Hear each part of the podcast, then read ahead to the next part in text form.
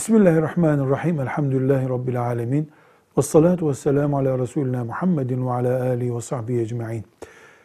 Evladın anneye karşı görevlerini altı başlıkta toplayabiliriz. Bir, sevgi ve saygı.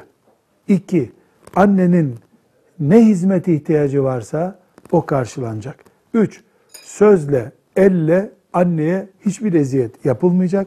Dört, anne bir sebeple muhtaçsa nafakası sağlanacak. Beş, anne öldükten sonra borçları varsa onun borçları ödenecek. Anneye dualar edilecek sürekli.